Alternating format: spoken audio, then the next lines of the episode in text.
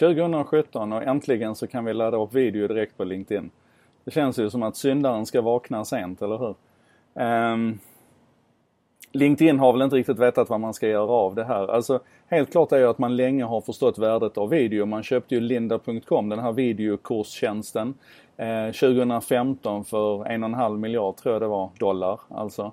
Så att värdet av video har ju inte gått dem spårlöst förbi utan de har väl snarare suttit och, och tittat på hur, hur alla andra tjänster bara exploderar. Du har ju länge kunnat på ett sätt lägga upp video på, på LinkedIn också genom att du laddar upp den på Youtube eller Vimeo till exempel och så delar du länken. Men det har ju varit lite grann en, en vad ska man säga, en, en en liten bastard som inte riktigt har liksom så passat in i LinkedIns ekosystem. Och nu lovar man ju dem att de här, den här nya videouppladdningstjänsten så, så kommer man att få tillgång till fantastisk demografi och jättemycket statistik och sådär på tittarna. Så det ska bli superintressant att titta vad det här, vad det här klippet ger mig för information.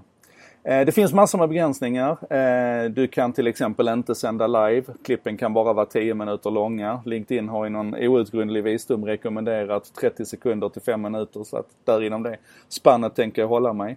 Du kan bara göra det från, från mobiltelefonen. Så att Eh, Eh, du måste alltså använda appen i mobiltelefonen för att ladda upp videon. Däremot kan du naturligtvis skapa den och producera den på en dator eller ja, hur du nu vill.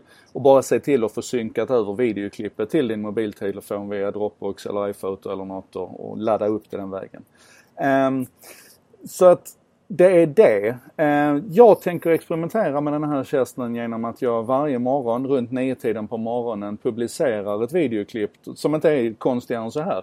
Men där jag pratar om en specifik sak som har hänt under natten. Alltså medan ni låg och sov så har det ju hänt någonting i techvärlden.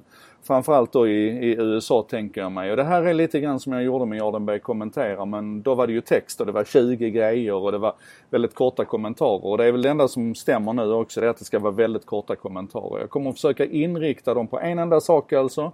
Och de ska handla om vad den här saken är för någonting, vem det är som har gjort och lite kontext runt det.